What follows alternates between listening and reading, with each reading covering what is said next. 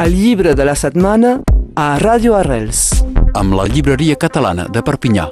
Sem a la llibreria en companyia de la Joana. Bon dia. Bon dia. Avui, de què va la cosa? Avui novel·la, eh, traducció de novel·la, és la darrera novel·la traduïda al català de l'Henri de Luca, doncs aquest escriptor italià que s'ha posat a escriure bastant tard, diguem, però que eh, ja té una producció molt, molt important. I eh, aquesta última novel·la, que es diu Impossible, m'ha fet pensar una mica en l'actualitat i amb eh, l'extradició doncs, de les brigades eh, roges eh, d'aquestes eh, últimes eh, setmanes eh, entre França i Itàlia, entre l'estat francès i l'estat italià. Impossible és una novel·la eh, doncs, que hi ha un mort, troben un mort a a dalt d'u- d'una muntanya i resulta que en aquella muntanya hi havia un altre senyor que han detingut i que l'acusen d'haver-lo tirat pel daltabaix. Resulta que aquests dos personatges es coneixien anys anteriorment per haver militat junts en un equivalent de brigades roges. Bé, no, no entren en detalls, però sobre eh, militants de la revolució.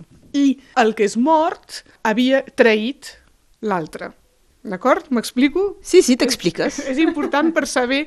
Si hi havia un mòbil o no del crim. Ja, exacte. Llavors la novel·la és, un cop dit això, la novel·la és un capítol del fiscal que va preguntant a l'acusat que li va fent preguntes entre ells dos i de vegades l'advocat de la defensa que apareix per allà però poca cosa hi pinta, on el fiscal intenta fer-lo reconèixer la mort del, de la muntanya i intercalat amb cartes del pres, doncs perquè està a la presó mentrestant, que ell fa la, la seva enamorada, la seva dona, sobre com ella està vivint eh, doncs, aquest, eh, aquest judici. I s'acaba, us ho dic, perquè no té importància finalment per a aquesta novel·la, que no Atenció, spoiler. se sap. Spoiler, que no se sap si l'ha matat o no. No ens ho diu el llibre.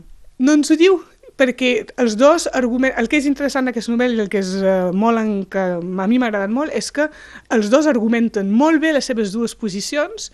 Uh, L'un diu que és per venjança, l'altre diu que no, etc.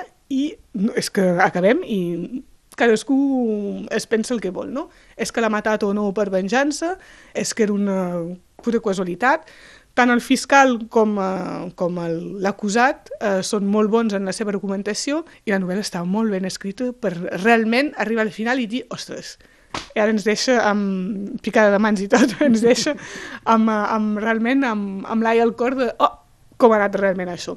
M'imagino que deu ser, eh, potser el cas amb altres eh, judicis, però realment el que és interessant no és el final, és com, com es desenvolupa tota aquesta novel·la.